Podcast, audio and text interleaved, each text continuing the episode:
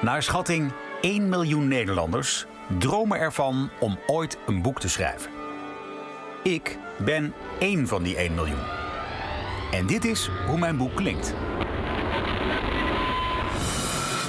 Als een sluwe roddeljournalist zich opdringt aan een puissant rijke mediamagnaat en ze gedwongen samen op zoek gaan naar zijn vermiste dochter, ontstaat een showbiz-huwelijk dat gedoemd is te mislukken. Vinden ze haar op tijd? En welk drama schuilt er achter haar vermissing? Lees nu De Schandpaal. Ja, dit is hoe mijn boek klinkt. Althans, in mijn hoofd. Want voorlopig is er nog helemaal geen boek. Wat ik wel heb is een manuscript voor een thriller met als titel De Schandpaal. In deze podcastserie ga ik in gesprek met mensen uit de uitgeefbranche. Dus literair agenten, uitgevers, schrijfcoaches, schrijvers zelf, kortom professionals. Om erachter te komen hoe ik mijn droom van dat boek uitgeven kan waarmaken. En ondertussen luister jij mee en leer je van de valkuilen waar ik wel of niet intrap. Zal het mij lukken om mijn boek uit te geven? Ik ben Robert Veller, radiomaker, voice-over en dus wannabe-schrijver. En dit is Het manuscript.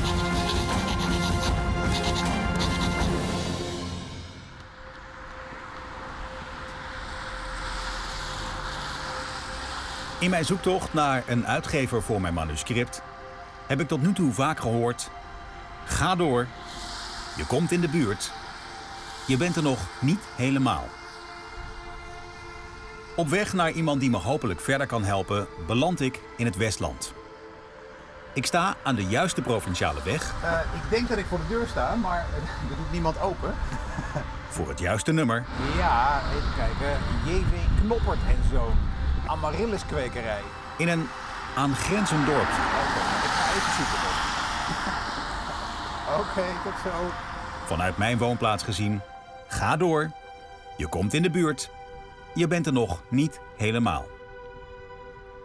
Ik heb deze aflevering de Roast genoemd. Wat voor sommige mensen nogal dramatisch klinkt, heb ik gemerkt. Maar zo bedoel ik het niet. Voor mij is het een lekker woord waarvan iedereen gelijk snapt wat het betekent. Ik ga mijn tekst laten beoordelen. En van Ronald Giphart heb ik geleerd dat je dat sowieso niet zo persoonlijk moet opvatten.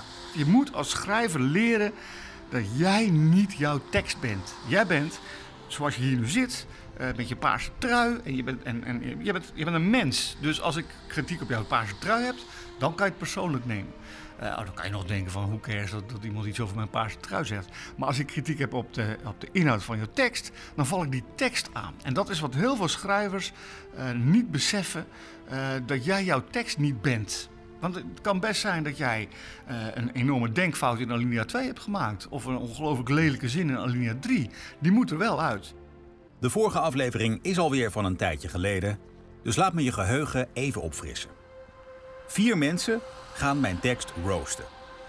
Dat zijn Patricia Snel, auteur, schrijfcoach bij Schrijfmeesters, leraar aan de Schrijversacademie en redacteur bij Xander Uitgevers. Een proloog is natuurlijk om een beetje die lezer nieuwsgierig te maken en spanning op te wekken en ergens in te trekken. En dan denk ik, ja, wat wil je met dit hoofdstuk zeggen? Dennis Rijnvis, die ik een kleine rectificatie verschuldigd ben. Hij schreef namelijk het boek Savels Bos, dat ik in een vorige aflevering per ongeluk Savels Berg heb genoemd. Het is dus Savels Bos. Daarnaast heeft hij een schrijfblog en podcast over schrijven met de naam Schrijfvis. Wat ik er wel goed aan vond, bijvoorbeeld, is het begint best wel spannend. Het begint met een man waarvan meteen duidelijk is van, nou, ja, die is iets van plan wat niet helemaal in de haak is. Ik spreek Soraya Fink, auteur van het boek Persona en acquirerend redacteur bij uitgeverij HarperCollins. Ik heb genoten, maar ik heb ook wel wat kanttekeningen. En ja, dat hoort bij een redacteur zijn. Eh, wij zeggen nooit eigenlijk bij een eerste versie van een manuscript... druk op de knop, we gaan dit uitgeven. Feedback hoort altijd eh, bij schrijven. Deze drie mensen hebben delen van mijn manuscript gelezen, plus sommigen een synopsis. Zeg maar het hele verhaal op één A4'tje. En dan is er nog Sabine Maurits, redacteur bij haar eigen bedrijf Tekst in Detail. De enige die mijn hele manuscript heeft gelezen. Ik moet haar hier in het Westland snel zien te vinden, Want anders word ik nog eerder geroost door het voorbijrazende verkeer. Als je trouwens denkt dat vier professionals die hetzelfde stuk tekst onder de loep nemen, daar ongeveer hetzelfde gevoel bij hebben, dan kom je bedrogen uit.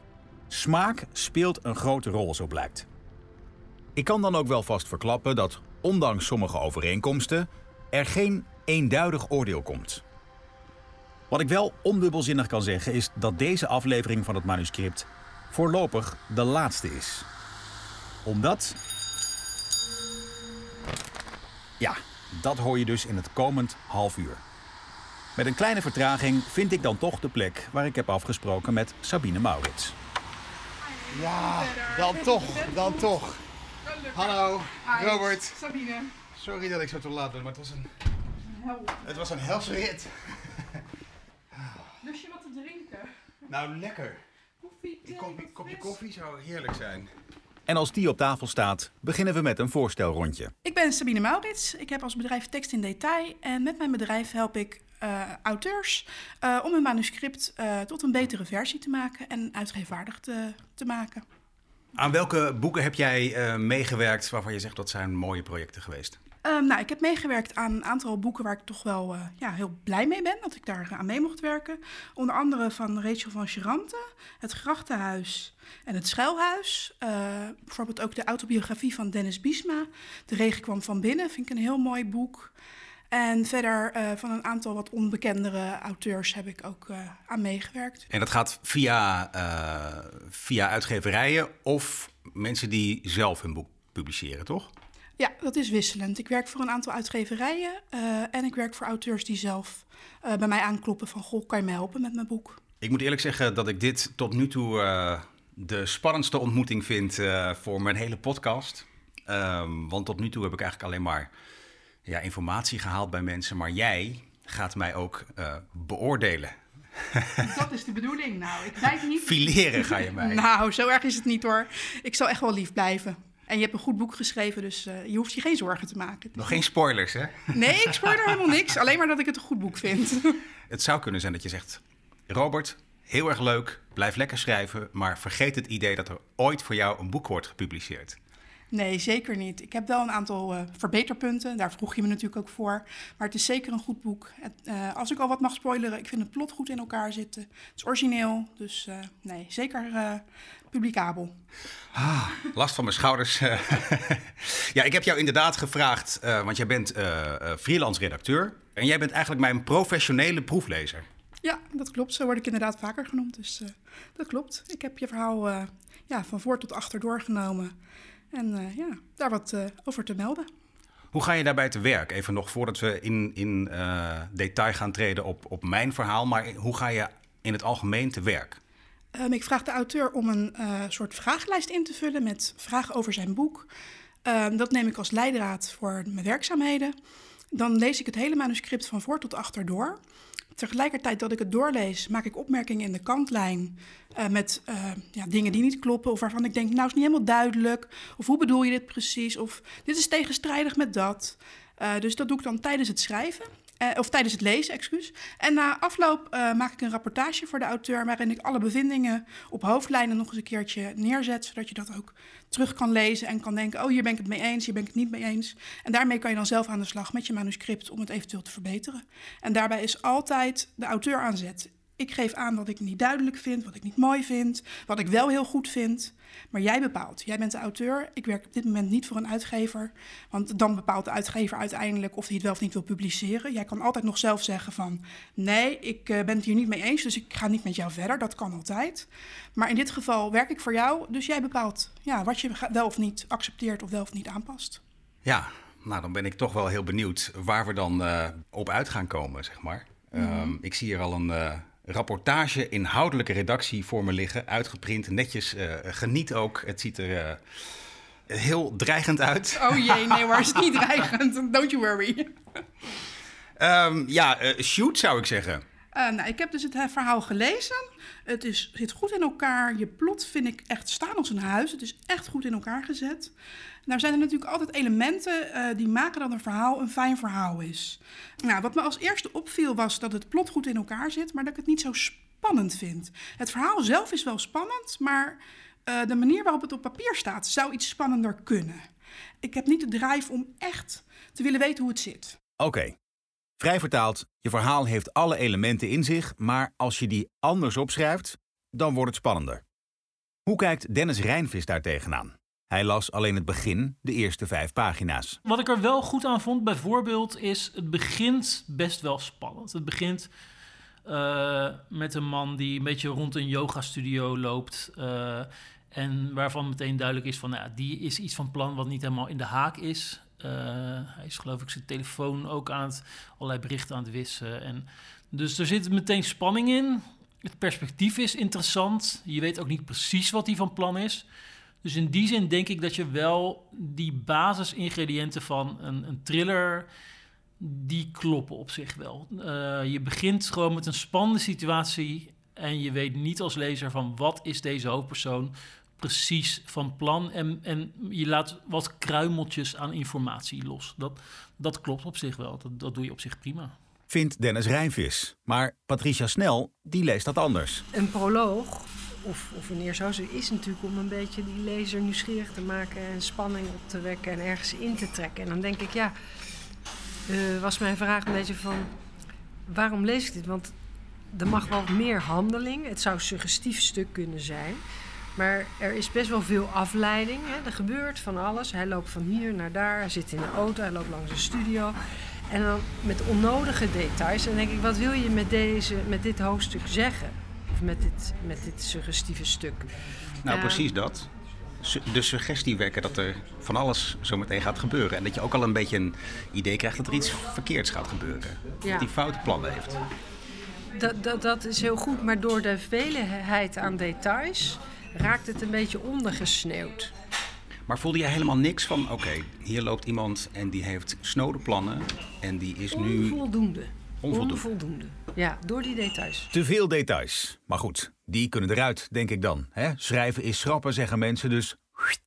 Soraya Fink, wat vond zij? Ik heb genoten, maar ik heb ook wel wat kanttekeningen. Ik had niet anders verwacht. Uh, ik zet me schrap en ik ben benieuwd, ben benieuwd wat jou is opgevallen, waardoor je denkt van nou, dat vond ik wel goed, daar heb ik van genoten en dat vond ik tenenkrommend slecht. Mag ook.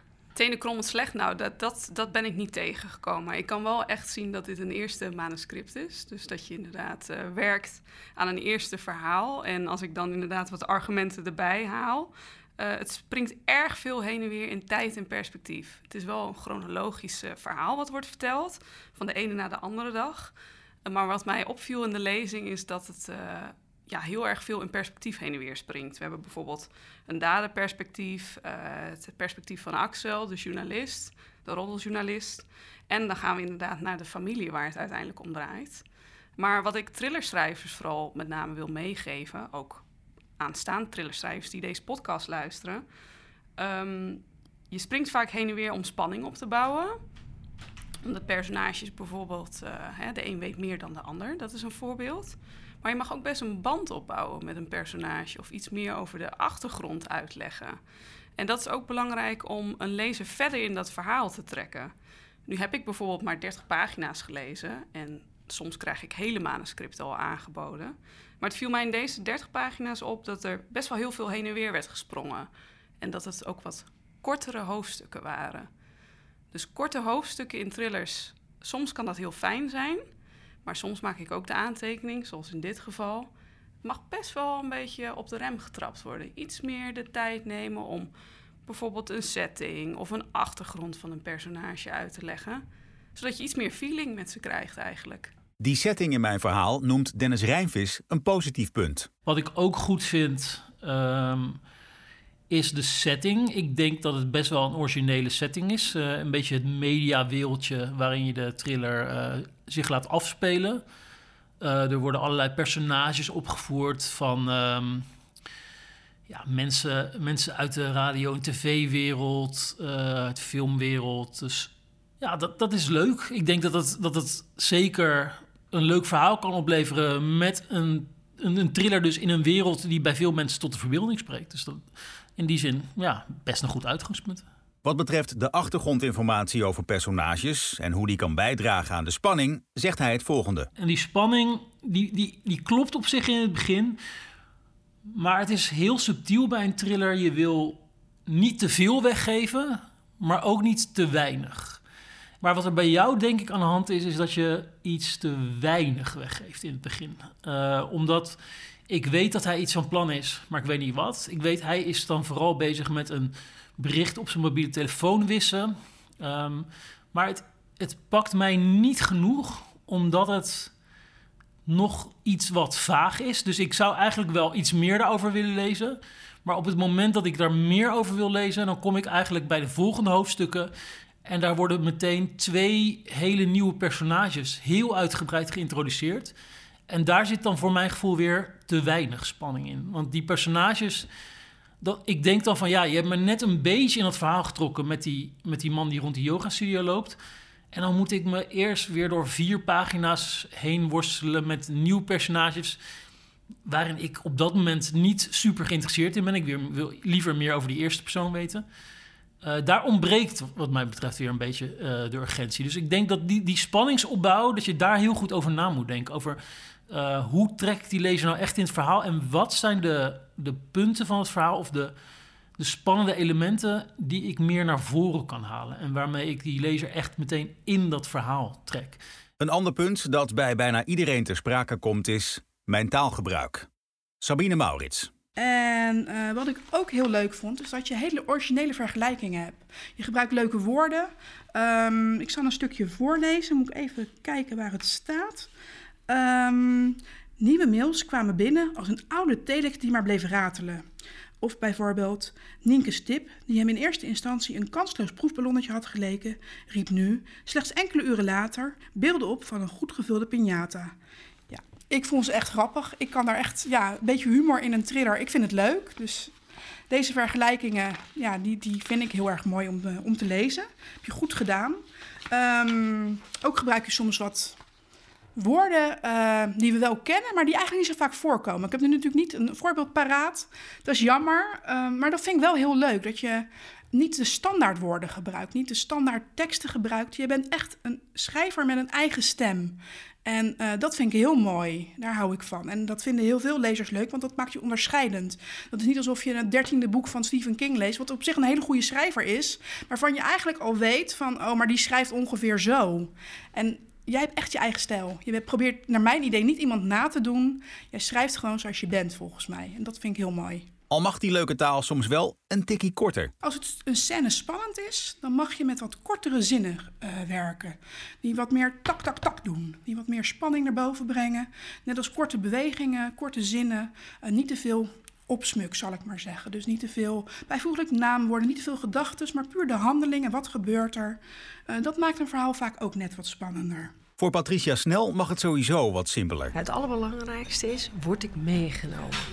Word ik meegenomen in het verhaal? Dus ik begin te lezen en om maar, nou A, de, eer, de tweede woord struikel ik al. Het duidelijkst merk ik dat diep in mijn oren. Dat is een beetje een ingewikkelde zin. Dus ik kwam wat ingewikkelde zinnen tegen. Nou, daar, daar, dat vind ik al lastig. Dan zie ik bijvoorbeeld als ik de studio passeer en dan een paar zinnen later, uh, ik loop op een normaal tempo door. Op weg naar mijn auto loop ik. Je kan het ook gewoon beschrijven. Als ik de studio passeer, zou je ook bijvoorbeeld kunnen zeggen: de, uh, uh, het raam van de studio staat open. Dus het is overbodig. Dus je moet altijd proberen het zo simpel mogelijk te houden, want dat is al lastig genoeg. Dennis Rijnvis is het daarmee eens. Ik denk dat jij bewust of onbewust het net iets te mooi op wil schrijven. Dat je het net iets te. Ik zou me heel erg op het verhaal concentreren in het begin. En soms heb je zinnen waarvan ik denk, ja, ze zijn best wel lang. Als je een thriller in deze setting en met deze spanningsboog mik je op een heel breed publiek, denk ik. Uh, en dan moet je denk ik oppassen met zinnen die, die, die heel lang zijn en die, ja, die, die niet echt in taal zijn geschreven die, die mensen kennen uit dagelijks leven. Dus als ik de studio passeer, waait er door een openstaand klapraam een zuchtje esoterische muziek mijn kant op. Langgerekte akkoorden die aan regen maken dat je bijna automatisch wilt gaan fluisteren. Ze zullen er zin van worden, de vrouwen. Mijn nek gaan ervan overuit staan. Het is... Dat is niet één zin overigens. Nee, nee, het is niet één zin. Nee, nee, het is niet één zin. Uh, maar het gaat me erom dat het... Het kan net iets dichter bij jezelf blijven, denk ik. Als jij me dit verhaal zou vertellen, zou je andere woorden gebruiken. Uh, en dan zou je simpeler taalgebruik gebruiken. Dat denk ik. En ik denk dat je net iets te graag wil laten zien van... ja, maar het is, dit is niet een gewone thriller. Ik kan ook uh, goed schrijven.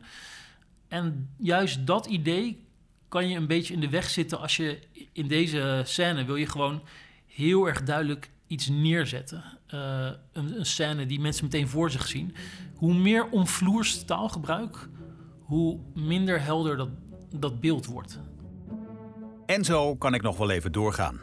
Er worden positieve punten genoemd. Um, wat ik heel goed vond, waren je cliffhangers aan het einde van de hoofdstukken. Het zet echt aan tot doorlezen negatieve punten? Ja, als ik hier nog even verder kijk, ik vond het wat lastiger dat echte personen, die wij nu gewoon kennen hè, uit de bladen van televisie, en fictieve personages naast elkaar bestaan. Er worden complimenten uitgedeeld. Maar hoe jij soms mensen op het verkeerde been zet, mij op het verkeerde been hebt gezet, nou echt, ik was flabbergasted. Ik vond het heel gaaf. Dus dat heb je ook echt heel goed gedaan. En ik word op mijn plek gezet. Maar je zegt eigenlijk zelf al, ja, ik zou ook nog vijf verhalen in die setting kunnen vertellen. Dus als ik, als ik heel direct ben, zeg ik eigenlijk, je hebt een goede setting, maar verder heb je gewoon nog niks. Maar waar leidt dit alles toe? Ik vraag advies aan Soraya Fink. Dit manuscript herschrijven? Of zoals meerdere mensen hebben geopperd gedurende deze podcast, helemaal opnieuw beginnen? Met een kakelvers verhaal. Ik zou toch voor de tweede gaan. Uh, en dat geef ik ook altijd mee met auteurs die bijvoorbeeld met echt met een allereerst echt uh, hagelnieuw manuscript komen en dat het een eerste langer verhaal is wat ze schrijven. Uh, zie dat als een goede oefening. Ook veel van de auteurs die we hier uitgeven, het allereerste boek wat ze schreven, was niet het eerste verhaal wat ze schreven. Um, als ik zelf terugkijk naar het boek wat ik heb geschreven, uh, dat verhaal was ook echt niet het eerste lange verhaal wat ik schreef. Maar ik zou eigenlijk zeggen, ja, hoe nou gaat dit verhaal aan je hart? Wil je dit echt, echt uitgegeven zien? Of zeg je van, ik wil heel graag een thriller schrijven, maar eigenlijk met alles wat ik nu heb gehoord, ook van verschillende kanten in het boekenvak, ga ik daarmee aan de slag en verzin ik in de basis iets nieuws? Nou ja, het liefst um, had ik gewild dat dit het verhaal was waarvan mensen zouden zeggen: ja, dit, dit, willen, we, dit willen we uitgeven. Dit, dit zien we wel gaan gebeuren. Er moet nog wat aan gebeuren, maar, um, maar ik heb er wel ook over nagedacht. Vind ik dit leuk genoeg, dit schrijven, om het nog een tweede keer te doen met de kennis die ik nu heb? En het antwoord daarop is ook ja. Dus Kijk, dat is heel positief om te horen. Want ja, bij veel mensen, daarom zeg ik ook: geef het echt niet op bij de eerste afwijzing die je krijgt. Er zijn heel veel verhalen. Ik bedoel, J.K. Rowling, John Grisham, uh, David Baldacci. Die hebben volgens mij uh, echt, die kunnen onderhand hun kantoor behangen met de afwijzingen die ze hebben gekregen. Ja, en kijk waar die nu staan. Um, schrijven is ook oefenen, meters maken. Inderdaad, feedback proberen te krijgen van mensen in het vak. En dan ook bij jezelf te raden gaan. Oké, is het dat mij waar dat mijn eerste verhaal niet uitgegeven wordt, wat 9 van de 10 keer zo is. Maar ga ik eigenlijk gewapend met die kennis een heel nieuw verhaal schrijven? En ga ik daar wel mee proberen om echt hè, bij die eh, uitgever voet tussen de deur te zetten van... ja, maar dit gaat wel uitgegeven worden. Ja, dat raad ik wel veel mensen aan. En mij dus ook? Ja. Ik heb alle adviezen die ik de afgelopen maanden heb gekregen in me opgenomen. Ik heb erover nagedacht. Ik heb er onderzoek naar gedaan. Um, zelf publiceren, zoals ook door veel mensen is geopperd met alleen een e-book of in combinatie met een luisterboek of zelfs een fysiek boek erbij. Het is op dit moment niet waar ik naar neig. Ik heb um, behoefte aan een team om me heen. Een professioneel team, mensen die in mij geloven, die mijn verhaal verder kunnen helpen, die verstand hebben van alles wat bij het maken van een boek komt kijken, van opmaken tot coverontwerp, van marketing. En gevoelsmatig heb ik gewoon te weinig know-how om dat nu succesvol zelf te kunnen doen. En daarom neig ik naar het advies dat ook Soraya net heeft gegeven. Tenzij. Tenzij mijn zoektocht met dit verhaal nog niet helemaal voorbij is. Er is namelijk nog één spoor, waarover ik nog niet heb verteld, waarvan ik wel gek zou zijn als ik het niet tot het eind zou volgen. En daar kom ik zo op. Eerst wil ik iedereen bedanken. Met een microfoon in mijn hand zijn er de afgelopen maanden ontzettend veel deuren voor me open gegaan die anders zeker gesloten waren gebleven. Ik heb veel nieuwe mensen leren kennen, ik heb oude contacten nieuw leven ingeblazen en ik wil iedereen bedanken. Ehm, de mensen die ik heb mogen interviewen, de mensen die de tijd hebben genomen om dingen van me te lezen, ehm, de mensen met wie ik heb gemaild of via social media contact heb gehad, mijn vrienden niet in de laatste plaats en eigenlijk iedereen die mij van tips en adviezen heeft voorzien. Want de ontmoetingen en de gesprekken die waren naast leuk, vooral ook heel leerzaam. Dus dank daarvoor, ik waardeer het enorm. Is het verhaal over mijn verhaal dan bij deze verteld? Nee dus, nog niet helemaal. Want een van mijn schrijfcoaches, Martijn van Beek, die belde me onlangs met de mededeling: Robert, ik heb een tip voor je. Ik heb dat gesprek in niet al te beste kwaliteit deels op weten te nemen. En hij zei me dit over een contact dat hij heeft in de uitgeverswereld. En uh, toen vertelde ik over het manuscript, dat jij ermee bezig was. En uh, toen zei ik van, joh, zou je het willen lezen, maar dan wel in de wetenschap dat het geen kant-en-klaar manuscript is. En toen zei en als ik dan de potentie uh, zie, dan ben ik ook wel bereid om daar verder, verder te gaan dan normaal. Dus ik heb nou geregeld dat je rechtstreeks mag mailen. Ja. Dat is natuurlijk wel een redelijk uh, goede binnenkomen. Want uh, normaal gesproken, uh, ja, jij weet precies hoe het gaat. Je komt op de stapel en... Die stapel is groot. Je hoorde de piepjes al. Ik heb hier natuurlijk gelijk opvolging aangegeven. Ik heb mijn manuscript gemaild. Ik heb mijn synopsis gemaild. Ik heb mijn cv gemaild, een begeleidende brief. En ik heb daarbij ook de vraag gesteld: wil je bij mij in de podcast? En dit was het antwoord. Ik wil je graag helpen met je manuscript, maar ik vind het niet fijn om met naam en toenaam genoemd te worden. Mede omdat ik bang ben dat de receptie dan overspoeld wordt door mensen die denken dat ik ieder manuscript lees. En dat is dus de reden dat het verhaal nog even doorgaat, maar de podcast toch eventjes on hold. Voor de duidelijkheid, de stem die je hoort is niet van de redacteur van een gerenommeerde uitgeverij, maar de woorden komen wel van die persoon. Inhoudelijk kreeg ik de volgende reactie. Ik heb je manuscript inmiddels gelezen en zou mijn bevindingen graag telefonisch met je bespreken als je daarvoor open staat. Alvast in het kort, ik kwam punten tegen die denk ik nog wel wat aandacht kunnen gebruiken, maar ik ben wel geïntrigeerd. Dus als je wilt kan ik je wat feedback geven, zodat je die in je achterhoofd kunt houden bij het herschrijven. Of niet natuurlijk als je het er niet mee eens bent. Dat telefoongesprek heeft inmiddels plaatsgevonden. Het duurde een uur waarin ik allerlei tips en aanwijzingen kreeg voor verbeteringen. En afrondend was dit de conclusie. Ik denk echt dat er iets in zit. Je kunt goed schrijven, maar op verhaalniveau zitten er wat mij betreft nog wat punten niet helemaal lekker. Dat wilde ik je meegeven. Kijk maar wat je ermee doet. Als je mijn feedback hebt gebruikt en je hebt dingen omgegooid, dan staat de deur volledig open om het opnieuw naar me op te sturen. Ik beloof dat ik er dan nogmaals naar ga kijken. En dus ga ik terug naar de schrijftafel, terug naar de laptop, terug in mijn verhaal. Ik ga, zo heb ik afgesproken, 10.000 woorden, zeg 1 achtste van het hele manuscript, herschrijven met in het achterhoofd de aanwijzingen van deze redacteur. Daarna praten we verder. Ik beloof je dat ik de uitkomst ooit zal delen in een vijfde aflevering. Tot die tijd mag je blijven reageren, altijd, graag zelfs. Het manuscript at gmail.com of via sociale media, daar kan je me ook altijd vinden. Heel erg bedankt voor het luisteren. Het manuscript.